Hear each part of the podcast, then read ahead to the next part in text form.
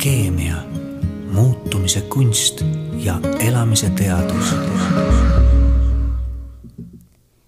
jõuluhõngulised tervitused teile, armsad Alkeemia podcasti kuulajad.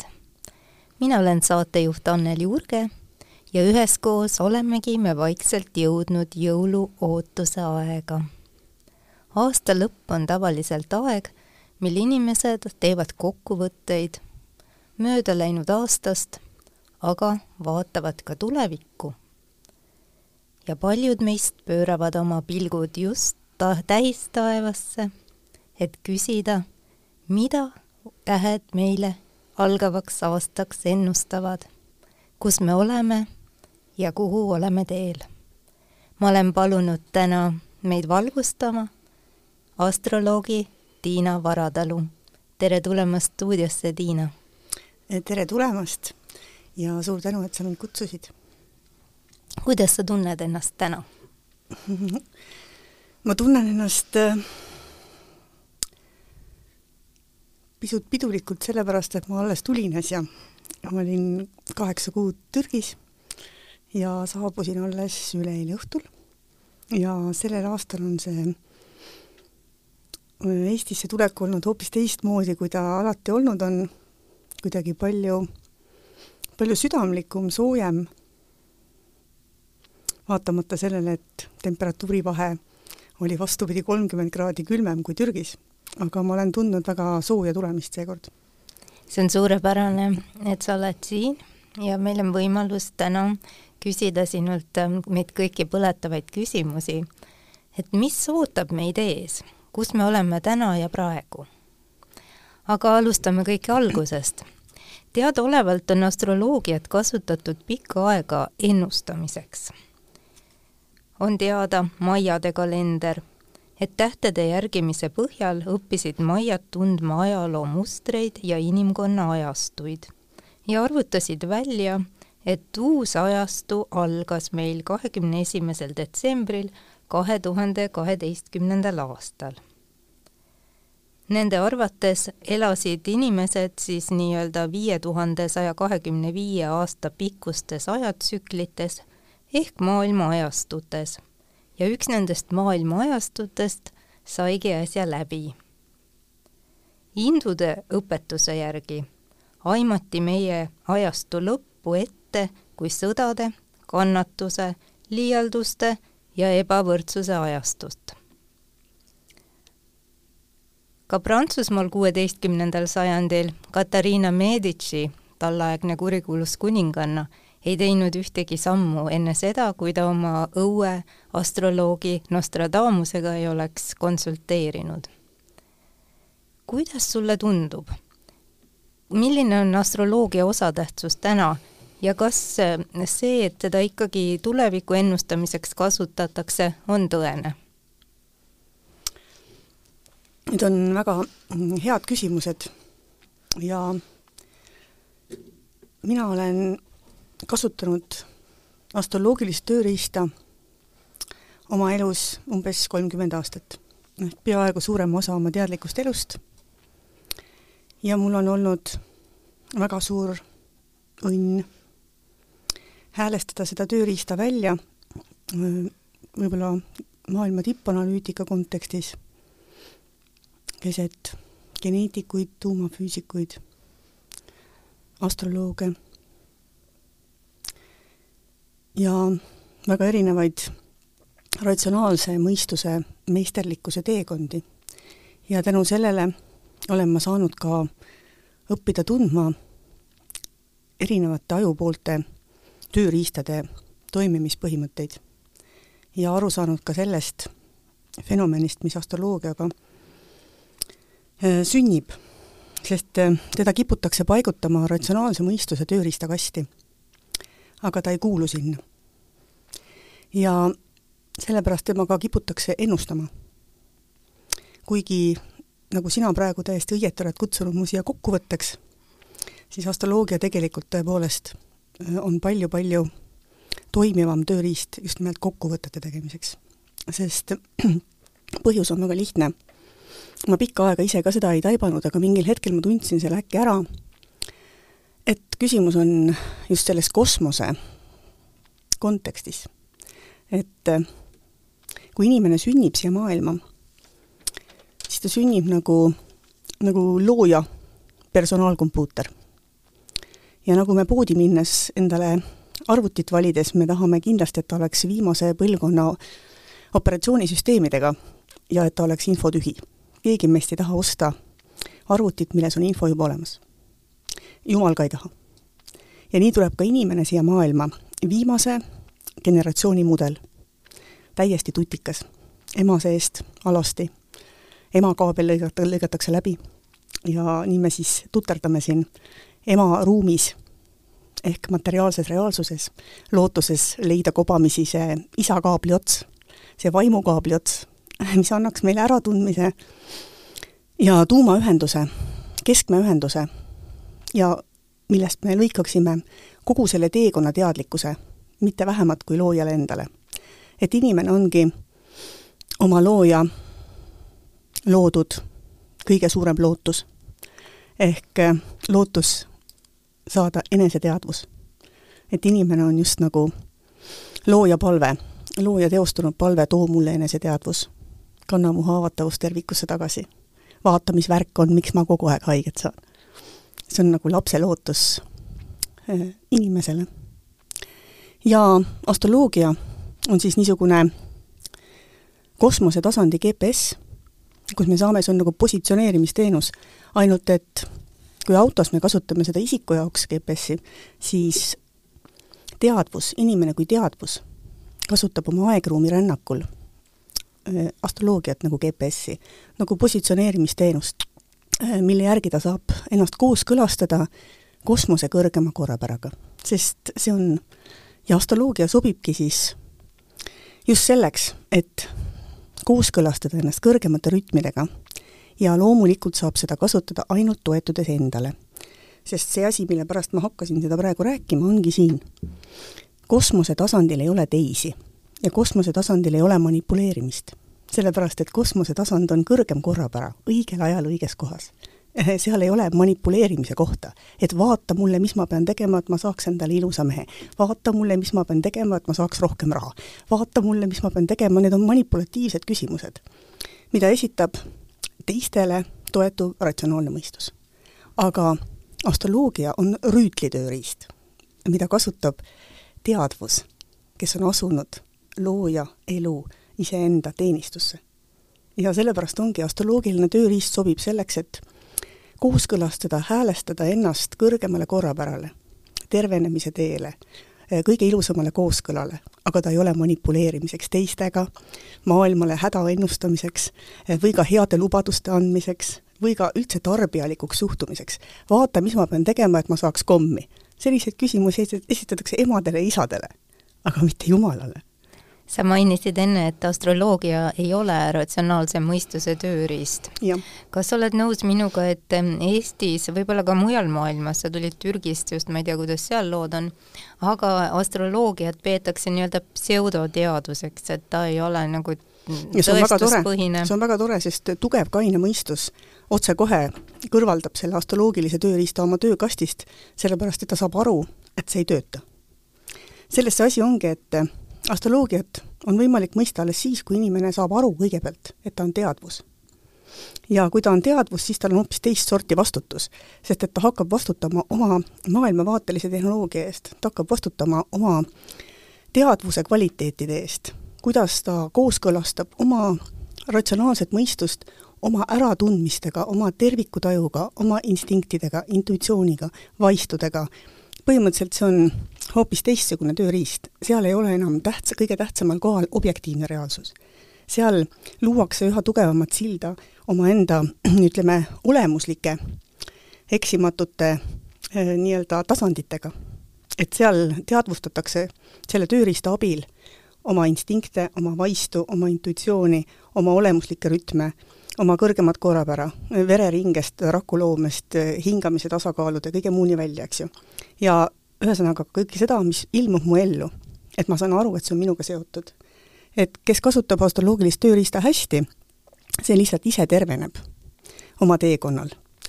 ta hakkab rohkem olema selle projekti sarnane, millesse looja investeeris, sest looja saada, saatis iga inimese teele õigel ajal õiges kohas. Ehk siis kõige ilusamaks versiooniks, kõige tervendavamaks versiooniks. iseendast. jah, iseendast. nii et meil ei ole vaja tulevikku ennustada, sest et tulevik on teada, tulevikku teeb meile looja. ja tema lõi meid iseendast kõige paremaks versiooniks aga teekonnal peab tulema siis nagu see töötlus, et film ja millise filmiga ma siis saabun sinna looja juurde tagasi. et kas ma ütlen, et nagu Rüütel, et panen mõõga maha ja ütlen, et teie kõrge aususe teenistuses, siin on see film, on ju. või ma ütlen, et rooman kohale ja ütlen, ma tuvastasin, et te olete üks kurjategija, et, et sa oled üks, üks igavene tropp, on ju. noh, et mul tuli niisugune film, et ainult üks pauk ja mitte midagi, eks ju et see on nüüd inimese, see on see inimese töö. nii et mina olen astroloogilise tööriista leidnud selleks, et tulla toime oma saatusega ja see on olnud piisavalt selline, et mul on olnud seda vaja, see on mind palju aidanud. millal sa selleni tööriistani jõudsid? Mm, peale seda, kui ma esimest korda ära surema hakkasin ja kui ma ei suutnud enam kuidagi aru saada, miks see lõhe nagu välise ja sisemise maailma vahel on nii suur. mis siis et, välismaailmas juhtus, et miks sa surema hakkasid? ma lihtsalt ei suutnud kuidagi ära lahendada seda küsimust, et miks ma tean, et kõik on nii hästi, miks ma näen, et kõik on nii normaalne ja miks ma tunnen ennast nii kohutavalt halvasti ja ma püsin vaevuelus mm. -hmm. ja mul oli vaja nagu seda küsimust enda jaoks. kui vana sa olid siis? No see oli, mul hakkas see peale kohe peale abiellumist. et kakskümmend üks või? et see oli jah, ja niimoodi ma olen teda kasutanud. alguses ma kasutasin teda enda eest ka salaja, seepärast et ma olin ülimalt skeptiline ja ma ei tohtinud enda arvates ka lollustega tegeleda, sest ma tahtsin olla õudselt nagu tõsiseltvõetav. ja põhiliselt see minu ära surema hakkamise põhjus oligi, et see ratsionaalse mõistuse niisugune ähm, tohutu kindla maailma lubadus, mille minu isa oli lubanud mu emale, kes oli viieaastaselt küüditatud, et ta annab talle tagasi kindla kodu, nii-öelda igaveseks, once and forever no ja mina hakkasin selle kindla lubada siis, lubaduse sisse lämbuma, sest see oli ka minu teadvus. et ka minu mõistus oli nii kindlalt isalik, et ma ei suutnud seda kiivrit enam kanda mingil hetkel. mis tööd sa siis tegid? Ma õppisin keemiat kõigepealt TTÜ-s, siis ma läksin päevapealt tööle vast loodud Hansapanka ja peale seda kolmepäevase vahega Tuumafüüsika Instituuti arenduskoordinaatoriks, siis ma vahepeal töötasin veel natukene Eesti Biotehnoloogia Liidus, siis oli Geenitehnoloogia Instituut kaksteist aastat.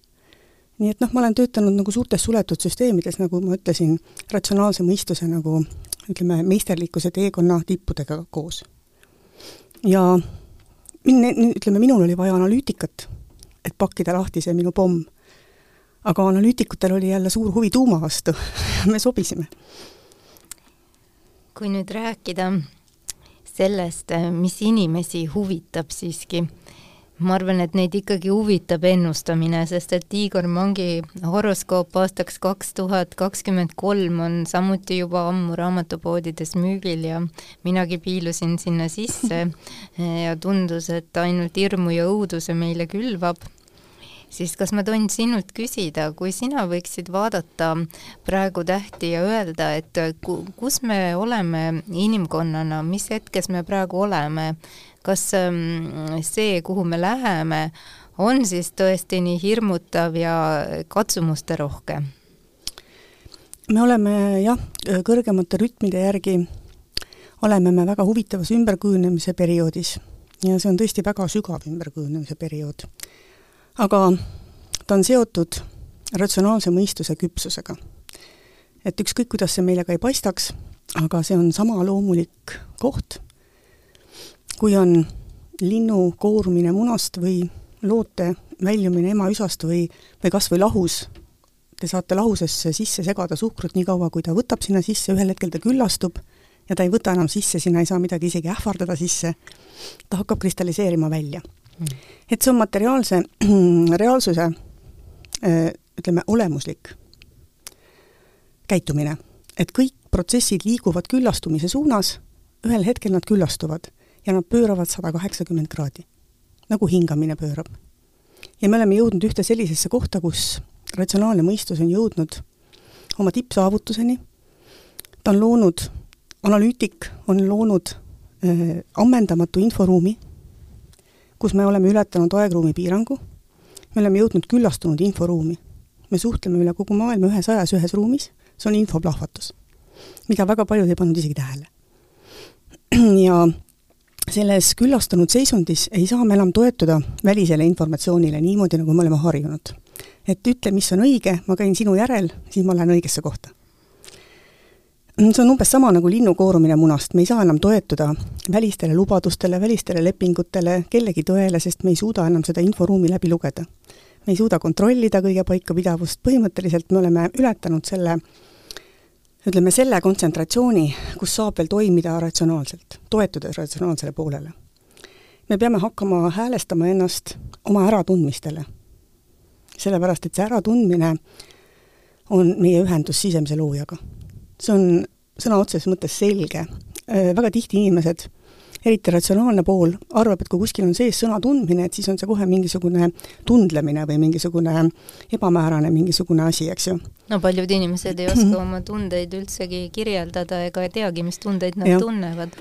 aga äratundmine, see äratundmine, mis annab asjadele tähenduse, mis avab sinu teadvuses uue ruumi, see on väga selge. see on nii-öelda loojateadvus et äratundmine oma kõige tõelisemas tähenduses on otseühendus loojateadvusega see avab sulle sõna otseses mõttes uue ruumi. aga see uue ruumi avanemine on ka seotud vana ruumi ammendumisega. see on sellesama koorumisega. et munakoor kukub ümbert ära, tupplehed kukuvad ära. noh, sõna otseses mõttes teatud tõekspidamised lihtsalt enam ei toimi, eks. see on teatud surm. et noh, mingis mõttes kõik need ennustused pajatavad ka nagu, nagu just nagu katastroofidest ja surmast, tegelikult see on ongi see tupplehtede ärakukkumine, munakoorte purunemine, see ei ole mitte midagi traagilist, me näeme seda looduses iga päev jah, aga just äh, need ennustused väidavadki seda, et kuna me oleme planeedi Maa nii-öelda äh, peaaegu loodusressursi hävitanud, siis äh, mingil hetkel see keskkond lihtsalt ammendub ja pole enam võimalik seda taastoota.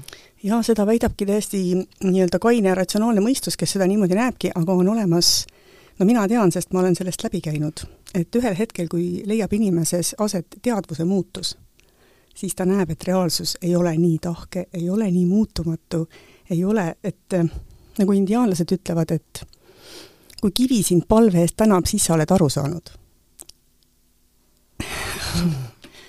et see kõik ei ole nii muutumatu. me, me arvame, et maailm on objektiivselt muutumatu.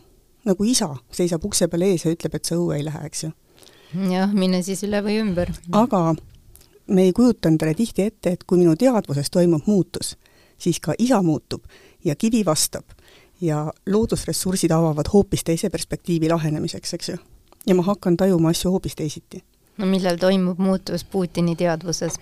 see ausalt öeldes, muutus toimub siis, kui inimesed saavad eraldi aru, et Putinist ei sõltu mitte midagi, et Putin peegeldab praegu nagu ohverdusena kõik praegused riigijuhid on sisuliselt inimestele nende enda pimeduse peegeldus. seepärast, et kuidas saab ette kujutada täiskasvanud inimene, et kogu maailma saatus sõltub ühest naisest, ühest mehest, väljaspool mind nojah, see on kerge viis vastutus äh, kõrvale panna iseendast. jah, see on väga suur lapselik julmus, et me süüdistame sõna otseses mõttes praegu kõiki maailma liidreid selles, et me ise ei saa aru, mida me peaksime oma teadvuses tegema.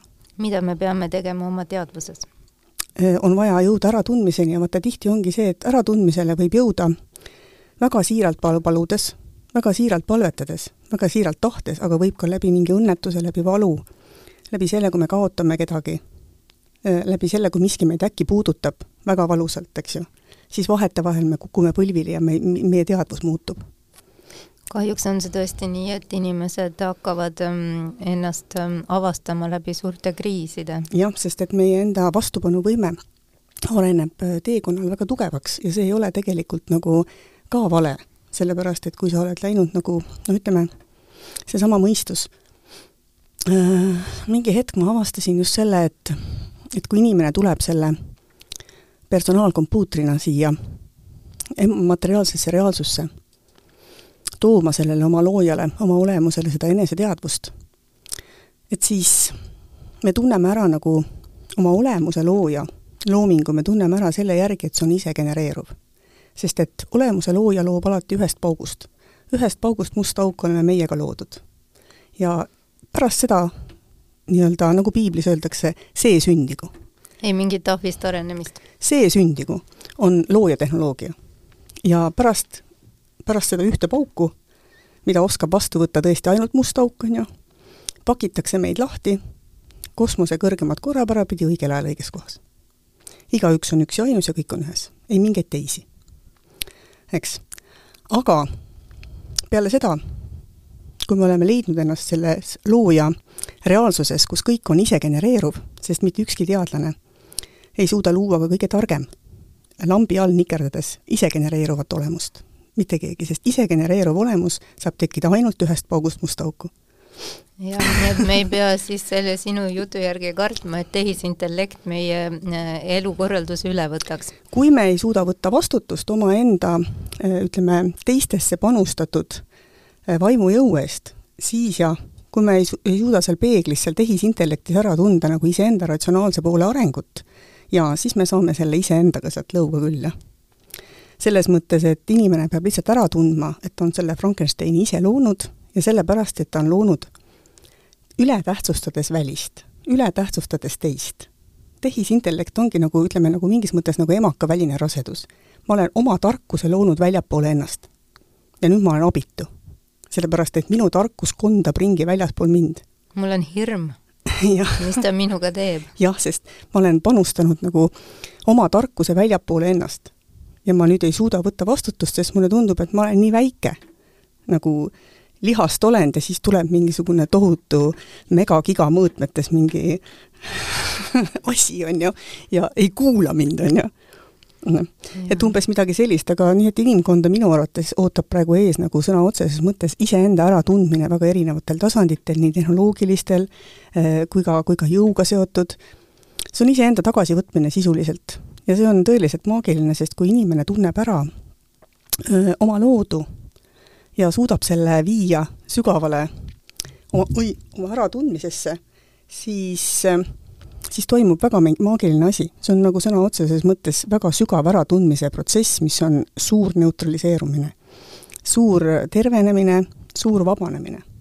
aga see toimub ainult siis, kui see on tõeline äratundmine ehk siis ähm, kui ma sinu sõnu võiksin tõlgendada, sina ütle muidugi, kas mul on õigus mm, -hmm. et äh, siis need sündmused, mis äh, täna maailmas aset leiavad, need on justkui siis väliskeskkonnas vajalikud selleks, et äh, inimesed hakkaksid oma teadvusega rohkem toimetama, et nad suudaksid selle muutunud teadvuse kõrgemale tasemele viia nojah, põhimõtteliselt tuleb ära tunda see, et kui me noh, ma jäingi enne pooleli selle koha peale, et kui inimene tuleb oma, oma mõistusega, oma selle personaalkompuutriga siia maailma, siis alguses ta alustab nullika kompuutrina ja see tähendab seda, et tal ei ole mälu. ja meie olemus on teekonna alguses, nagu, nagu ma ütlesin, viimase põlvkonna mudel, täiesti täiuslik, täiesti terviklik teda köetakse, remonditakse, äh, uuendatakse tohutu täpsusega millimooli pealt, eks ju, kogu meie mälu andmebaaside ülevalhoidmine, kujutate ette, mida tähendab hoida üleval inimese mälu andmebaase näiteks? ei saa üldse öelda, et saaksin aru. aga seda teeb looja meiega kogu aeg. ja kui inimene niimoodi saabub, siis tema ratsionaalne pool alustab nullist. ehk siis algab si-, ütleme, ratsionaalne mõistus alustab nagu materialistliku operatsioonisüsteemiga, mis tähendab seda, et ta toetub alguses välisele. ja see on ka armastus, sellepärast et see on nagu sisseelamisprogramm. ma tulen nullika, nullika inimesena siia ja ma hakkan toetuma välisele. ühesõnaga, ma tulen viimasena. kogu maailm oli enne mind. ema oli enne, isa oli enne, kool oli enne, kirik oli enne, Putin oli ka enne, eks ju kellel oli, kellel ei olnud jah, et ühesõnaga, ja mina tulin viimasena ja ma ei tea, kes ma olen. et vabandage, kas ma meeldin teile. ja siis me alustame, ratsionaalne pool alustabki heas mõttes manipuleerimisega. sest et me peame elama sisse, mida ema tahab, et õue saada, mida isa tahab, et raha saada, mida õpetaja tahab, et viit saada. mida tööandja tahab, et tööle saada. sulle-mulle, sulle-mulle, business on ju põhimõtteliselt manipuleerimine on ratsionaalse mõistuse operatsioonisüsteem, kus teine oli esimene, nagu pööratud süsteem, teine on esimene, teine oli enne.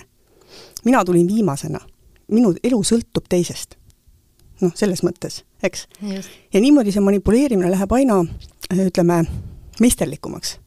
alguses on seal väiksed tehingud, eks ju, aga lõpuks on taktika, strateegia, väga high science, on ju põhimõtteliselt jah, et ütleme, ja ruum läheb aina suuremaks, me nagu pikseldame mingis mõttes selle reaalsuse nagu aina peenemaks, aina sügavamaks, aina kosmilisemaks, me saame pildistada galaktikaid, me saame kirjutada juba internetis seal ühes ajas vestelda, keegi on Ameerikas, keegi on Jaapanis, keegi on Eestis, kõik vestlevad ühes ajas, eks ju, ühes ruumis, on ju. see on, ütleme, ratsionaalse mõistuse tohutu võimekus. aga vaat nüüd, kuidas tunda see ära endas et mitte jääda nagu oma väl-, iseenda väli, no ütleme, see, see ongi see väline rasedus nagu tea-, teadvuse väline rasedus. et, et see loode ei kasva nagu minus, vaid ta kasvab nagu väljaspool mind. ja kuidas ma nüüd selle tagasi võtan? kui ma tunnen ära nagu oma lapse, noh, või iseenda või oma, oma teadvuse teekonna, ma nagu ei taha omaenda aju lõhki lasta kuskil kellegi teise peas on ju. no näiteks äh, kui me rääkisime siin varem nendest ähm, perioodidest äh, nagu inimese teadvuse arenguperioodid, kas ähm, sa võid nüüd öelda, et me oleme jõudnud veevalaja ajastusse, eks ole, et kas ähm, see on nüüd nagu pöördepunkt, kus see inimeste teadvus hakkab äh, kiiresti arenema? üks väga huvitav koht oli äh, peale kahte, ütleme kaks tuhat hakkas see suur pööre peale ja kaks tuhat kolm avastati selline taevakeha nagu Sedna, see on siis seni kõige kaugem avastatud taevakehadest, sest ta ei ole üldse meie päikesesüsteemi taevakeha, tema pöörlemisperiood on kümme tuhat seitsesada seitsekümmend kaks aastat ja tema avastamine, talle pandi nimeks Sedna, Sedna ongi siis ähm, mütoloogiliselt äh, nii-öelda hingepõhja jumalanna. Ja ta siis äh, sümboliseeris, see tema avastamine, seda, et analüüs on jõudnud mingis mõttes selle viimase pikslini, kus pealt toimubki see pööre. nii et vaimses mõttes võiks öelda, et kaks tuhat kolm oli see koht, kus toimus väga oluline pööre, peale seda oli kohe väga palju, oli Veenuse varjutused, kaks järjest on need alati, peale seda oli ka, mm, avanes väga suur hulk Pluuto taguseid tasandeid, avastati Eris, Makemake, Haume, ühesõnaga tõesti robinal neid äh, ühtsusteadvuse taevakehasid, Pluuto taguseid taevakehasid. ja peale seda algas tegelikult selline, selline vaimse tasandi suur muutumine. nüüd neid muutumise astmeid on olnud hästi palju, aga võib-olla kõige suurem ja olulisem ja märgatavam pööre oli siis kaks tuhat üheksateist, jõulude ajal, kakskümmend kuus detsember oli meil siis päikesevarjutus Kaljukitse noor Kuuga koos, ühenduses Jupiteri kuu lõunasõlmega, trioonis Uraaniga ja Saturni-Pluuto ühendus, samuti Kaljukitses, et see oli siis tõesti niisugune, vot see oligi nüüd see punkt, kus ratsionaalne mõistus tegi selle pöörde, ehk siis eh, see on siis nagu iseseisva inimese sünd, võiks öelda, et see on nagu selline pöörde jõudmine nagu individuaalsele tasandile, kus inimesed hakkasid personaalselt vastutama.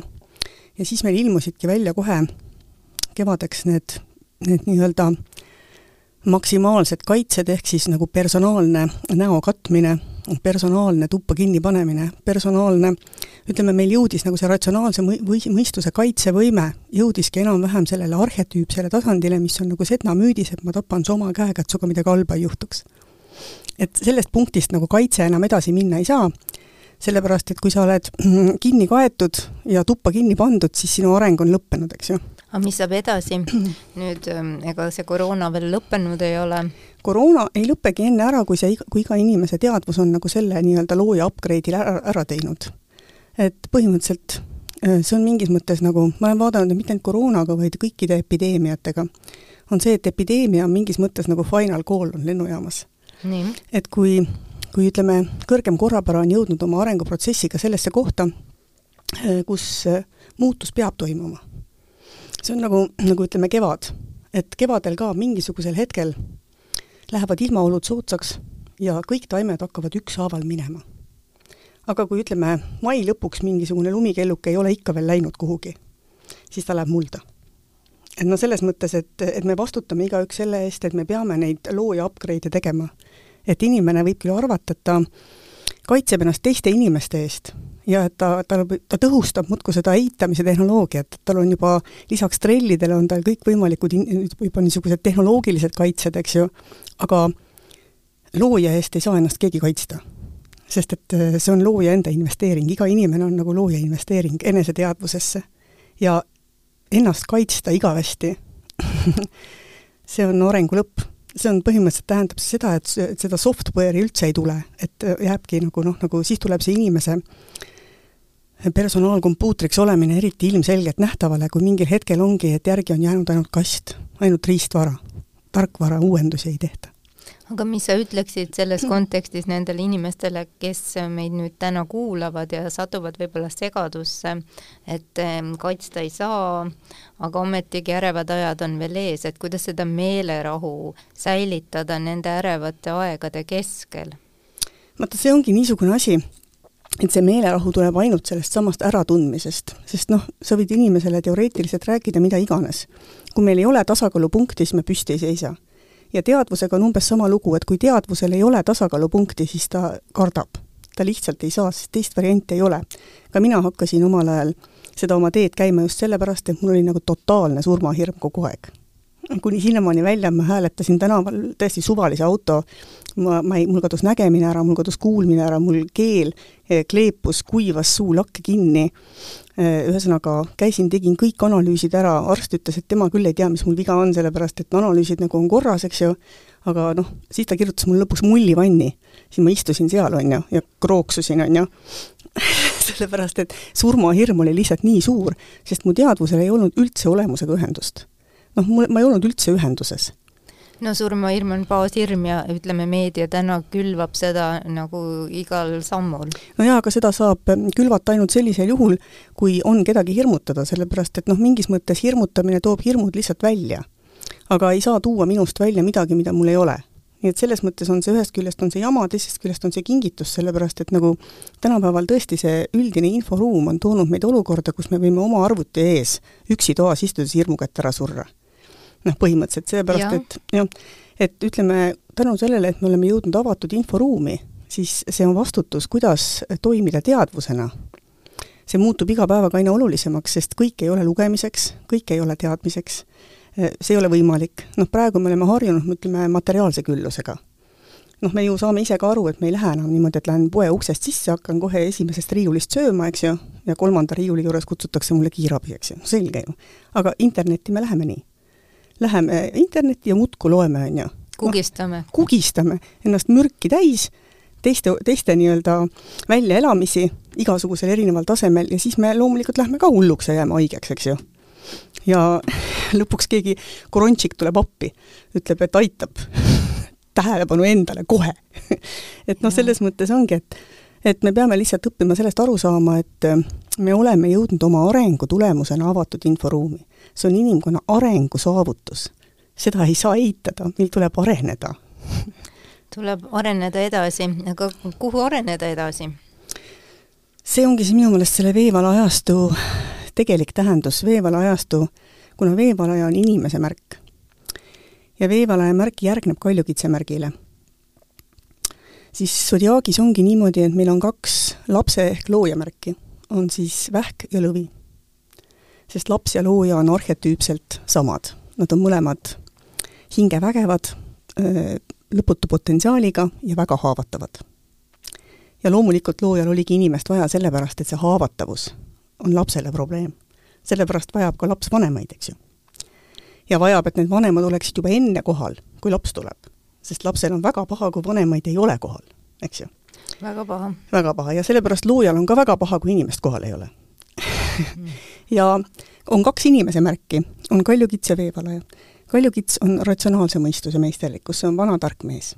see on elukogenud mõistus, see on nüüd ütleme, ratsionaalse mõistuse elutarkus, kes teab, kuhu panna tugikepid, on ju, keda tuleb kaitsta, keda ei tule kaitsta, kes tuleb kodust välja saata, eks ju, kellele tuleb öelda, et hakka nüüd astuma, on ju, kellele tuleb kindlasti mm, hankida kaitset, eks ju, millal nabanööri lõigata, ühesõnaga, vana tark mees on ratsionaalse mõistuse arhetüüpne kujund, see on siis elutarkus, praktiline elutarkus ja vastutusvõime. aga veevalaja on siis intuitiivse poolega ühenduses olev teadvus, kes siis on ühendanud oma ratsionaalse poole intuitiivse poolega, ehk on võtnud loojaga ühenduse, kes on saanud selle kaabli nii-öelda sinna looja serverisse sisse, eks ju. kes on asunud olemuse teenistusse, olemuse tõeteenistusse, olemuse kompromissitute ülesehitavate rütmide teenistusse, kus ta enam ei manipuleeri, kus ta teab, et loojat ei tohi alla suruda. sest vaata, kui linnupoeg on munakoore sees, siis muna otsas võib see linnu soe tagu, taguots olla, et munal on väga hea, kui keegi tal peas istub, eks ju. et täitsa sobib, on ju aga linnu peas ei istuta, korstna otsas ei istuta. see on täiesti kõne allagi. ja kui inimene on asunud elu kõrgema tõe teenistusse, noh, ja halvemal juhul on see tal püksid põlema pannud, eks ju. aga noh, võib-olla ta sai enne ise aru, eks, et ta ei roni sinna korstna otsa, on ju. siis hakkab inimene kasutama oma teadvust selleks, et tervendada oma teekonda, sest et loojat ei suruta alla, loojal ei lõigata ühtegi tükki ära, mitte midagi, mitte ühtegi osa tervikust ei saa vältida. ja sellepärast ongi, ütleme, veevalajalik teadvus on siis ärganud inimese teadvus kes teab, kuidas kanda endast tuld, kuidas kohelda loojat, kuidas teha oma teadvuses ruumi tõele. mis on elu kõrgem tõde? terviklikkus. kogu olemuse terviklikkus, et tuua terviklikule loojale eneseteadvus. et see ongi see, et, et see astroloogiline tööriist õpetab seda lihtsalt väga hästi mõistma, mina olen seda kasutanud kolmkümmend aastat ja sellega seoses ma olengi seda mõistma saanud, et see on kahendsüsteem see on põhimõtteliselt kõige suurem üks ja ainus ehk null ehk universaalne. ja kõige väiksem üks ja ainus ehk unikaalne. ja nii ongi, inimene on siis ühendatud tervikliku loojaga läbi ühe.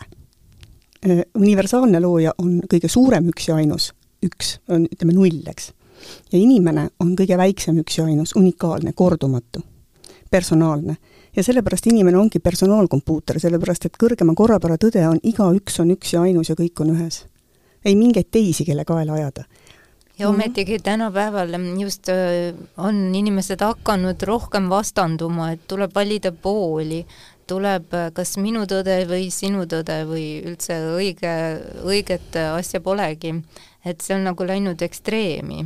nojah, sellepärast ongi läinud, et kuna praegu on nagu see ratsionaalne toimimine, see teistekeskne maailm on läinud nagu agooniasse. sellepärast, et ratsionaalne mõistus jõuabki oma meisterlikkuse teekonnal alati sellesse kohta, kus rüütel kukub põlvili, eks ole, looja ees. ja see ongi seesama koht, kus sa ei saa nagu ütleme, lahutusteravuse kasvatamine ei saa sind viia kuhugi mujale kui liitmisse nii et mm. on oodata paremaid aegu, kui see vastandumine lõpuks äh, muutub äh, liitumiseks? ütleme niimoodi, et noh, mina ütleksin lihtsalt seda, et see on niivõrd loomulik asi, kus me praegu oleme. see on inimkonna väga loomulik arengurütm ja see, et me jõuame ühel hetkel oma ratsionaalse mõistusega sellesse kohta, kus me peame võtma ühendust loojaga, kus me peame võtma ühendust intuitiivse poolega, kus me peame saama aru, et me oleme hingestatud olendid, kus me peame aru saama praktilises mõttes, mida tähendab vaim ja, ja ütleme, mida tähendab nagu see, et mateeria on vaimu, ütleme, teenistuses. et kus me peame päriselt ja praktiliselt sellest aru saama, sest et see, kes meie projekti investeerib, ei saa jääda meile igaveseks saladuseks, me avastame ta ikka.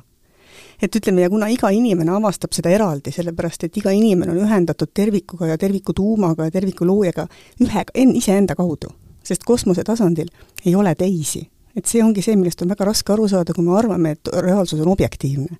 et mis mõttes pole teisi, teised on ju? Küll siin, näete, vaata, kui palju teisi on, on ju. Et nagu... siis meie igaühe isiklik eneseareng, sellest sõltub, kuhu see tervik liigub. just, et põhimõtteliselt iga inimene annab sellesse oma panuse, iga inimene kasvab kui tähenduste looja, et me kõik, iga inimene koosneb kahest olem-, ütleme, looja aspektist, olemuse looja ja tähenduste looja inimene on see teekond läbi raskuste tähtede poole. ja iga inimene on sellel teekonnal omal vastutusel ja ta alati on looja, terviklooja poolt kantud, üleval hoitud, remonditud, iga inimese valu on Jumala valu, iga inimese äratundmine on Jumala äratundmine ja mitte keegi ei ole sellest lahutatud tegelikult, aga kas me oma teadvuses leiame selle ühenduse, vot selles on küsimus. ja missuguse võimaluse keegi leiab see sõltub väga palju tema teekonnast, sest ma arvan, et tööriistu on sama palju, kui on inimeste teekondi. ja noh, nii ongi, et kõike ei pea kasutama kaugegi mitte astroloogiat, minul oli see sellepärast, et mina avasin umbkaitsesse suletud mõistust ja minu jaoks oli see tööriist sobivaim, aga kuna tervikuna on kogu materiaalne kogemus vaimu tööriist, siis iga inimese elu sisaldab täiesti unikaalseid tööriistu astroloogina sa oled Eestis väga tuntud, kas paljud inimesed ähm, käivad sinu juures konsultatsioonidel? Ehm, seda, kui tuntud ma olen, seda ma ei tea, sest ma ei ole ennast eriti tutvustanud. aga minu juurde on tulnud tõesti juba selle väga pika aja jooksul väga palju inimesi, väga huvitavaid inimesi. ja mul oli see põhimõte algusest peale ja on siiamaani olnud, et ma ei tutvusta ennast, ma ei kutsu mitte kedagi, sellepärast et elus on niimoodi, et avanemine peab alati eelnema sisenemisele. sest kui avanemine ei eelne sisenemisele, siis on see vägivald. ja sellepärast, kui mina hakkan rääkima inimesele temast endast, ja ta ei ole selleks avatud, siis on see nonsenss. see on absurd, on ju. no tulevad eeldatavasti siiski need inimesed, kellel on see avatus olemas. ja sellepärast minu juurde on tulnud need inimesed, kes on mingil põhjusel mu ise avastanud, kes on otsustanud või ära tundnud, et mina olen just see, kellega nemad tahavad oma kosmoses kolistada, eks ju, ja ma olen väga suure rõõmu ja tänuga nad vastu võtnud, sest nad on alati sobinud ka minu sellesse eluetappi, kus nad parasjagu tulevad, sest nad on toonud mulle alati väga sügava arusaamise sellest, mida mul on sel hetkel vaja olnud, sellepärast et mul on ainult see tööriist, aga tal on terve elu, mida ta elab, eks ju. ja tänu sellele noh, ma olen võtnud neid inimesi vastu ka nagu selle, selle teema meistreid mis nüüd mulle ka avaneb, eks ju. sellepärast, et äh, noh, ma alati ütlen inimestele, kui nad tulevad, et mul on ainult see tööriist, aga sul on sinu elu, kus sa oled ainukesena kohal olnud kakskümmend neli seitse, mitte keegi pole kunagi olnud ega ei hakka kunagi olema. sinu kätte on toonud aegruumi kõrgem korrapära kõik puudutused, mis puudutavad sind. mitte keegi teine neid kunagi saanud ei ole ega ei hakka saama. ja tähendused sünnivad ainult läbi äratundmiste. sest kui äratundmist ei ole, siis on ainult üks tähendus, tundmatu ja sellepärast mina saan lihtsalt suurima rõõmuga kasutada seda kõrgema korrapära GPS-i selleks, et korrastada sinu teekonda. aidata korrastada sinul seda teekonda ja saada ise väga olulisi äratundmisi läbi selle ühenduse, mis mul tekib. ja meil mõlemal tekivad äratundmised, aga minul tekivad minu äratundmised ja sinul sinu äratundmised. et sellist asja, et mina saaksin sulle midagi ennustada, esiteks ma ei tee seda juba sellepärast, et ma tean, et iga inimese tulevikku loob looja. ja see on ainult üks ennustus. kõige ilusam, tervem, terviklikum versioon iseendast. seal ei ole teisi ennustusi. aga kuidas see teostub, sõltub nüüd sellest inimliku poole töötlusest, sellest kompuutri arendamise tehnoloogiast, sellest äh, taotlusest, kuidas mõt-, mõtestada, mõista ja kooskõlastada oma teekonda selle kõrgema korrapäraga ja vot see on nüüd selline asi, et ma olen ülitänulik, et on olnud nii palju inimesi, kes on nii sügavat huvi tundnud enda elu vastu et ja. ma olen saanud seda jagada. see on tõesti üks äh, teadvuse äh, muutmise viis, et mm -hmm. hakata huvi tundma, ükskõik siis mis tööriist parasjagu ette mm -hmm. satub või Just. mis huvi pakub, et kuskilt otsast äh, tuleb igalühel alustada. jah, ja kusjuures meie sees on alati olemas nagu see impulss, sest et kuna inimene on oma olemuses ju terviklik, eks siis, kui meie teadvuses mingi tsoon on suletud, kas mingi minevikutrauma tõttu, me oleme tulnud seda tervendama, me hakkame seda survet ju enda sees tundma. noh, igaüks hakkab ju tundma seda, kus tal on kinni, eks ju. no muidugi, lihtsalt mm. küsimus on, kui kaua on keegi suuteline seda alla suruma. just. ja sellepärast ongi, et kui me kuulame nagu natukenegi tähelepanelikumalt seda oma sisemist survet ja ei projekteeri seda kohe Putinile, noh, esimese võimalusega, eks ju, vaid noh, võtame selle ise käsitlusele noh, et mis asi see minu sees ikkagi nagu nii vangis on. et mis asi see mind ikkagi nii endast välja ajab. noh, mis asi on nagu selges ruumipuuduses, on ju, mida ma kardan nii hirmsasti, et ma ma kaotan lihtsalt, pilt läheb taskusse, eks ju. noh, siis loomulikult hakkab see asi inimese sees avarduma ja sealt ja. tuleb välja mitte midagi vähemat kui anne. just tuleb lihtsalt julgeda neid küsimusi hakata esitama iseendale ja mulle tundub, et siiski Putin mingil põhjusel on täna väga aktiivselt siin meiega stuudios. no aga ma... ta on ju kõige suurem süüdlane praegu maailmas, nii et. no just ja kui ma lugesin enne sinuga kokkusaamist internetist, siis neid ütleme astroloogilisi ennustusi, et väidetavalt juba Nostradamus siis seitsmeteistkümnendal, kui vabandust, kuueteistkümnendal sajandil suutis ennustada, mida toob meile aasta kaks tuhat kakskümmend kaks ja ka kaks tuhat kakskümmend kolm. ja nende lugude järgi siis, mis ma lugesin, pidigi aastal kaks tuhat kakskümmend kaks ähm, juhtuma see, mida siis ähm, kardetakse või oodatakse, Putini surm. no natuke on aasta lõpuni veel aega. Ähm, kuidas sa kommenteeriksid üldse selliseid ennustusi? no sellega on niimoodi, et kuna, kuna see kõrgem korrapära on ju tõepoolest korrapärane. see õigel ajal õiges kohas tõesti toimib. ja ükskõik, kas me hakkame uurima seapõrna, ma ei tea, merevärve või kosmoserütme, no me hakkame nägema ju seoseid.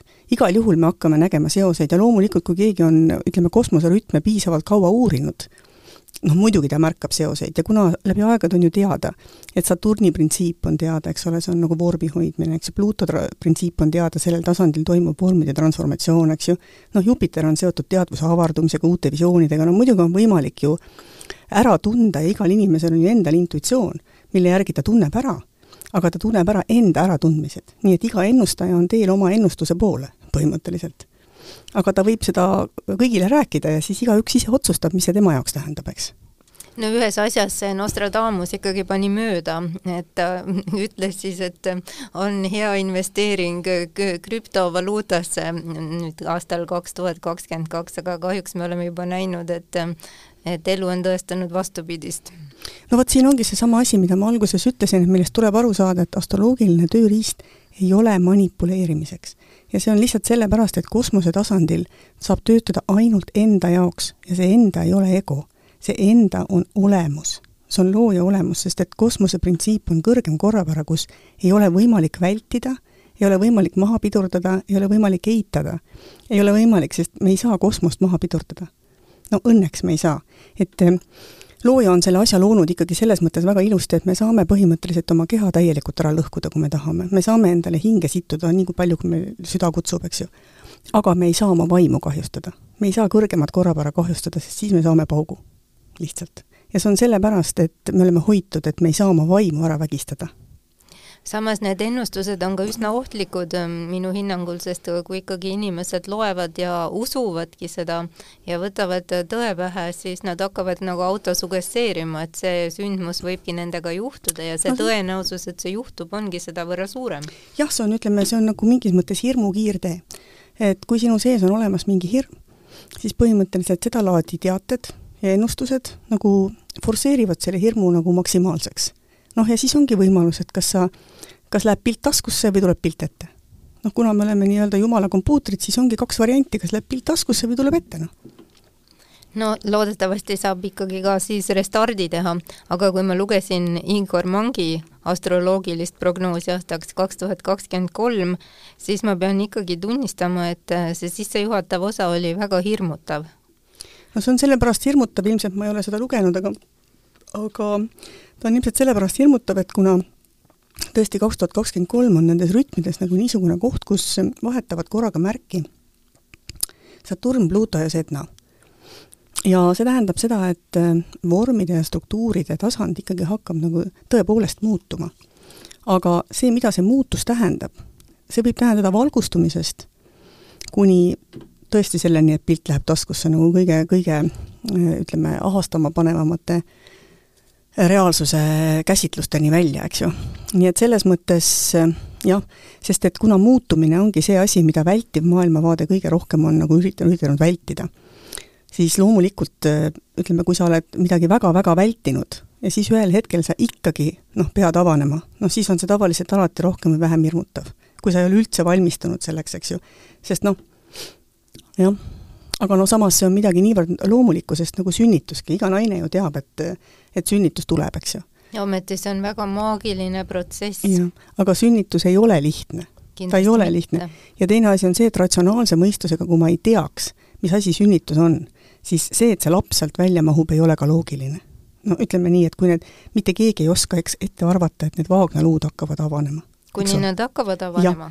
aga see on täiesti ebareaalne. ütleme, et prognoosida seda ei saa sellepärast et see läheb ikkagi, ütleme, mingis mõttes sünnitus on sügavalt maagiline, arhetüüpne muutumise manifest ja kui kes õpib äh, tõepoolest sügavuti mõistma sünnituse olemust, see on saanud elu olemusega kontakti.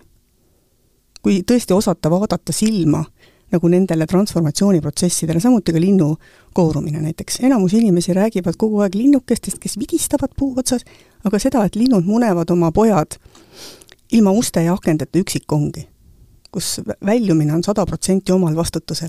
seda ina-, inimesed enamasti ei näe. aga loodus teeb seda pidevalt täiesti harmooniliselt, täiesti mööda minnes, väljuvad need linnukesed nendest üksikkongidest täiesti omal vastutusel, aga inimene arvab, et tema ei suuda. tema ei suuda oma maailmavaadet muuta, tema ei suuda uude ruumi siseneda oma maailmavaates, muidugi suudab. aga vot praegusel ajal ongi see, et kas me suudame kas me suudame, kas ma suudan uskuda, et mu, mu, mu elu saab muutuda? kas ma suudan uskuda, et ma saan muutuda et see on ilus? ja ometi kõige tõelisem asi elus üldse ongi muutus, et mm -hmm. see on mhm. kõige kindlam, mis üldse toimub ja, ja kõik on muutumises. kahekümne kolmandal märtsil tuleval aastal läheb Pluto veevalajasse mm. -hmm. Pluto, kes on nii-öelda siis nagu ajastute planeet, et kuidas sa hindad, mis see kaasa toob? Pluto täisring on kakssada viiskümmend aastat, nii et äh, see on tõesti väga suur, nii et meil, meil praegu elus olevatest inimestest keegi ei ole seda üle elanud. ja, ja see on siis seotud transformatsiooniga, sest Pluto tasand ongi seotud siis äh, mateeria surma fenomeniga, sest et surm iseenesest ongi ainult materiaalse kogemusega kaasnev fenomen ja see on emavormide muutus. ütleme, surm on emavormide muutus, sellepärast et mateeria tähendab tõlkes ema. ja kogu materiaalne kogemus on mingis mõttes nagu üks tohutu teadvuse rasedus. võiks öelda, et nagu mateeria on nagu emakeelne jutustus teadvuse lapsukesele, kallis, see puudutab sind. ja see puudutab sind ja see puudutab sind, eks ole. ja teadvus peab siis toituma nendest kogemuspuudutustest ja kui me seedime need kogemuspuudutused kõik läbi, siis me saame endast teadlikuks aga noh, inimene ju ei söö, tead, nagu lapsedki on laua ääres, ei, ma ei taha seda, seda ma ei söö, sibulat ma ei söö, no mingid sellised asjad, eks ju, ja siis me muidugi loomulikult keeldume ka seda läbi seedimast. ja mingi osa meist endast jääb kättesaamatuks, sest et me ei seedi seda läbi. et oleks vaja nagu läbi seedida. vot ja Pluto ongi seotud siis just selle maagilise seedeprotsessiga, mille käigus nagu mateeria muutub mille käigus me leiame uue sügavama toetuspunkti, et need koored saavad langeda, et need tupplehed saavad kukkuda et see vana tur-, turvaruum saab ammenduda, et me saame vahetada nagu näiteks seda, seda oma eluviisi. et me saame näiteks ka vahetada oma arusaamist näiteks vanadusest või tarkusest või armastusest, noh, et mingisugused kaitsed kukuvad eest ära ja me saamegi äkki armastada näiteks, on ju. või me saamegi äkki teha midagi, mida enne ma ütlesin, ma teadsin, et see on võimatu. sest noh, mina ei saa, sest mind ei lasta, mul ei ole paberit, või vastupidi, mul on paberid ja mind ei lasta, eks ju see on ka hästi naljakas, et Neitsi ja kalade telg, kus me praegu oleme selle ajastu lõpuga, mõlemas otsas antakse pabereid. Neitsi puhul teaduses antakse pabereid, et mind tuleb kuulata. ja kalades seal hullumajas antakse pabereid, et mind ei tohi kuulata, eks ju. aga põhimõtteliselt inimene peab ikkagi jõudma mõlemas otsas nagu vabaduseni, et ta saab ise muuta oma reaalsuse käsitlusi nii et Pluto tuleb siin meile appi. ja Pluto tuleb siis, kuna ta läheb veevalajasse kaljukitsest, siis see ongi seotud, et kuna kaljukits on see äh, ütleme, vana tark mees, nagu ma ütlesin, see on see isa, nagu kes hoiab last, sest kaljukits on siis, kaljukitse vastasmärk on vähk. ja vähk on siis nüüd ütleme, see looja õrnus, see on alguste haavatavus. sest kõik algused, olemuslikud algused on väga õrnad, ükskõik, kas see on idu, või on see väike loom, või on see väike lind, või on see väike inimene, või on see alustav mõistus, või on see noh, ükskõik, algused on alati hästi-hästi õrnad ja hästi haavatavad ja kui sa selle idu ära murrad, siis ega sealt tamme ei tule. ja sellepärast kaljukitse, väga oluline niisugune, see vana tark mees on siis see printsiip, kes oskab hoida õrnust et lapsel on vaja tõesti isakodu, et mõistusel on vaja seda ratsionaalset treeningut. ta peab õppima arvutama, ta peab õppima trennis käima, ei tule ilma trennita Luikede järve, ei tule, noh. et ühesõnaga, see ratsionaalne pool nagu arendab just välja selle kaitsva võimekuse, selle toetava võimetuse, selle vastupanuvõime. et ma, et mul on olemas teatud vastupanuvõime uutes kogemustes, sest kui ma lähen uutesse kogemustesse, mul peab olema see vastupanuvõime, eks ju ja kuna Pluto läheb sealt välja, läheb veevalajasse, siis, ja veevalaja on just see ühenduste loomine, teadlike ühenduste loomine intuitiivse poolega, loojateadvusega, eh, maagiaga, muutumise maagiaga, sest et eh, maagia ei ole mingi posimine. maagia on just nimelt nagu materiaalse vormi muutumise, eh, ütleme, saladus. sest et kui inimene kasutab oma teadvust selleks, et muuta mõttevorme, siis see on maagiline, sest et mõte on materiaalse kogemuse nagu kõige peenem tasand, kõige kõrgem tasand on mõttevormid. sest mõte on materiaalne, aga ta ei ole nähtav. et ta on, ta on materiaalne, tal on täiesti selged materiaalsed struktuurid, aga ta on nähtamatu nagu vaim. ja sellepärast ongi, et ütleme eh, jah, niisugune ratsionaalse mõistuse kõige kõrgem manipulatiivne meisterlikkus mängibki alati vaimseid suur, suur, suurkujusid, mängibki vaimset, sellepärast et see on nähtamatu, eks. aga tegelikult on materiaalne. ja tegelikult manipuleerib, aga mängib jumalat, eks ju. et see ongi selles mõttes niisugune huvitav koht.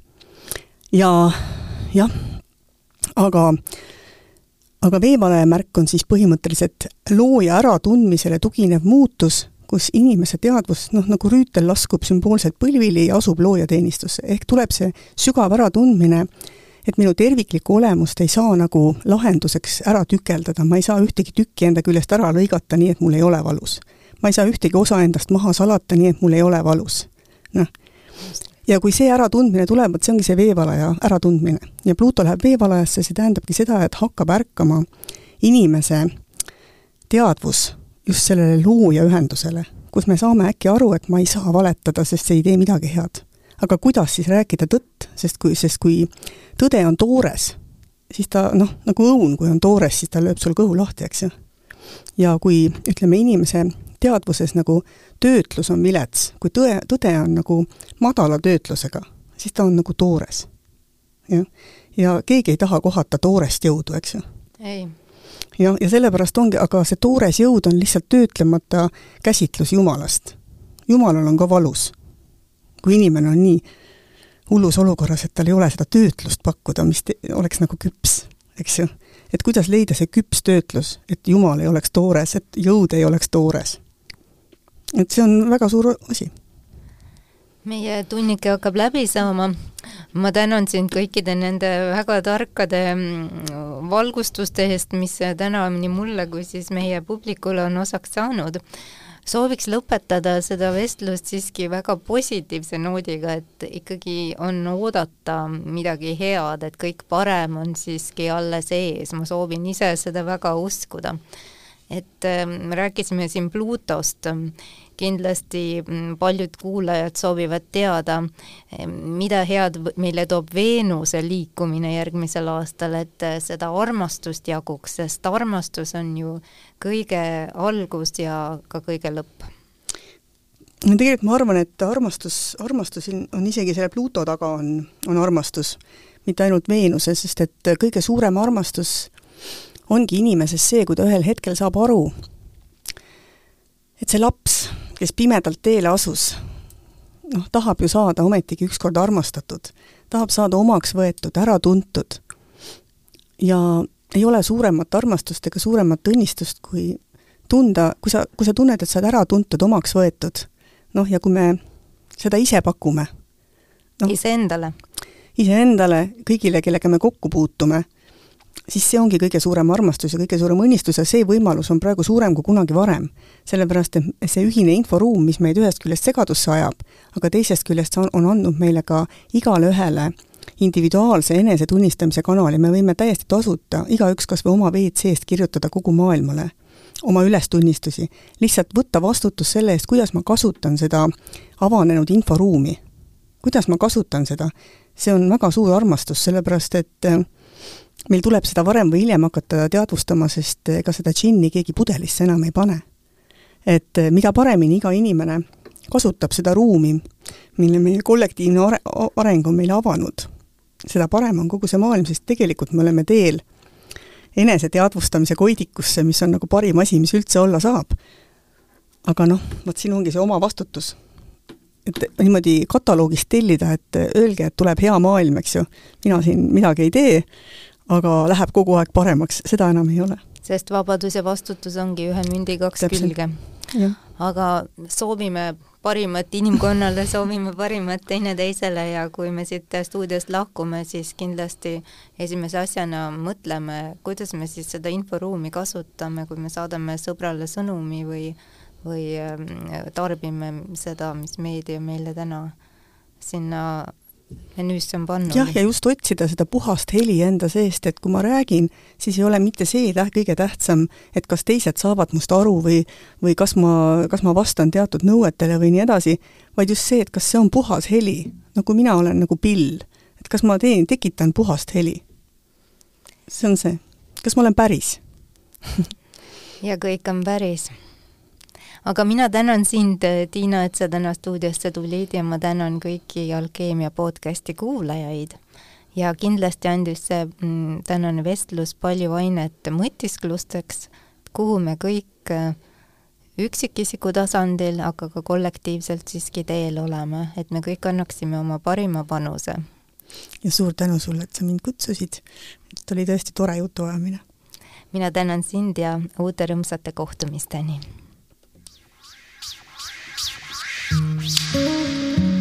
alkeemia, muutumise kunst ja elamise teadus.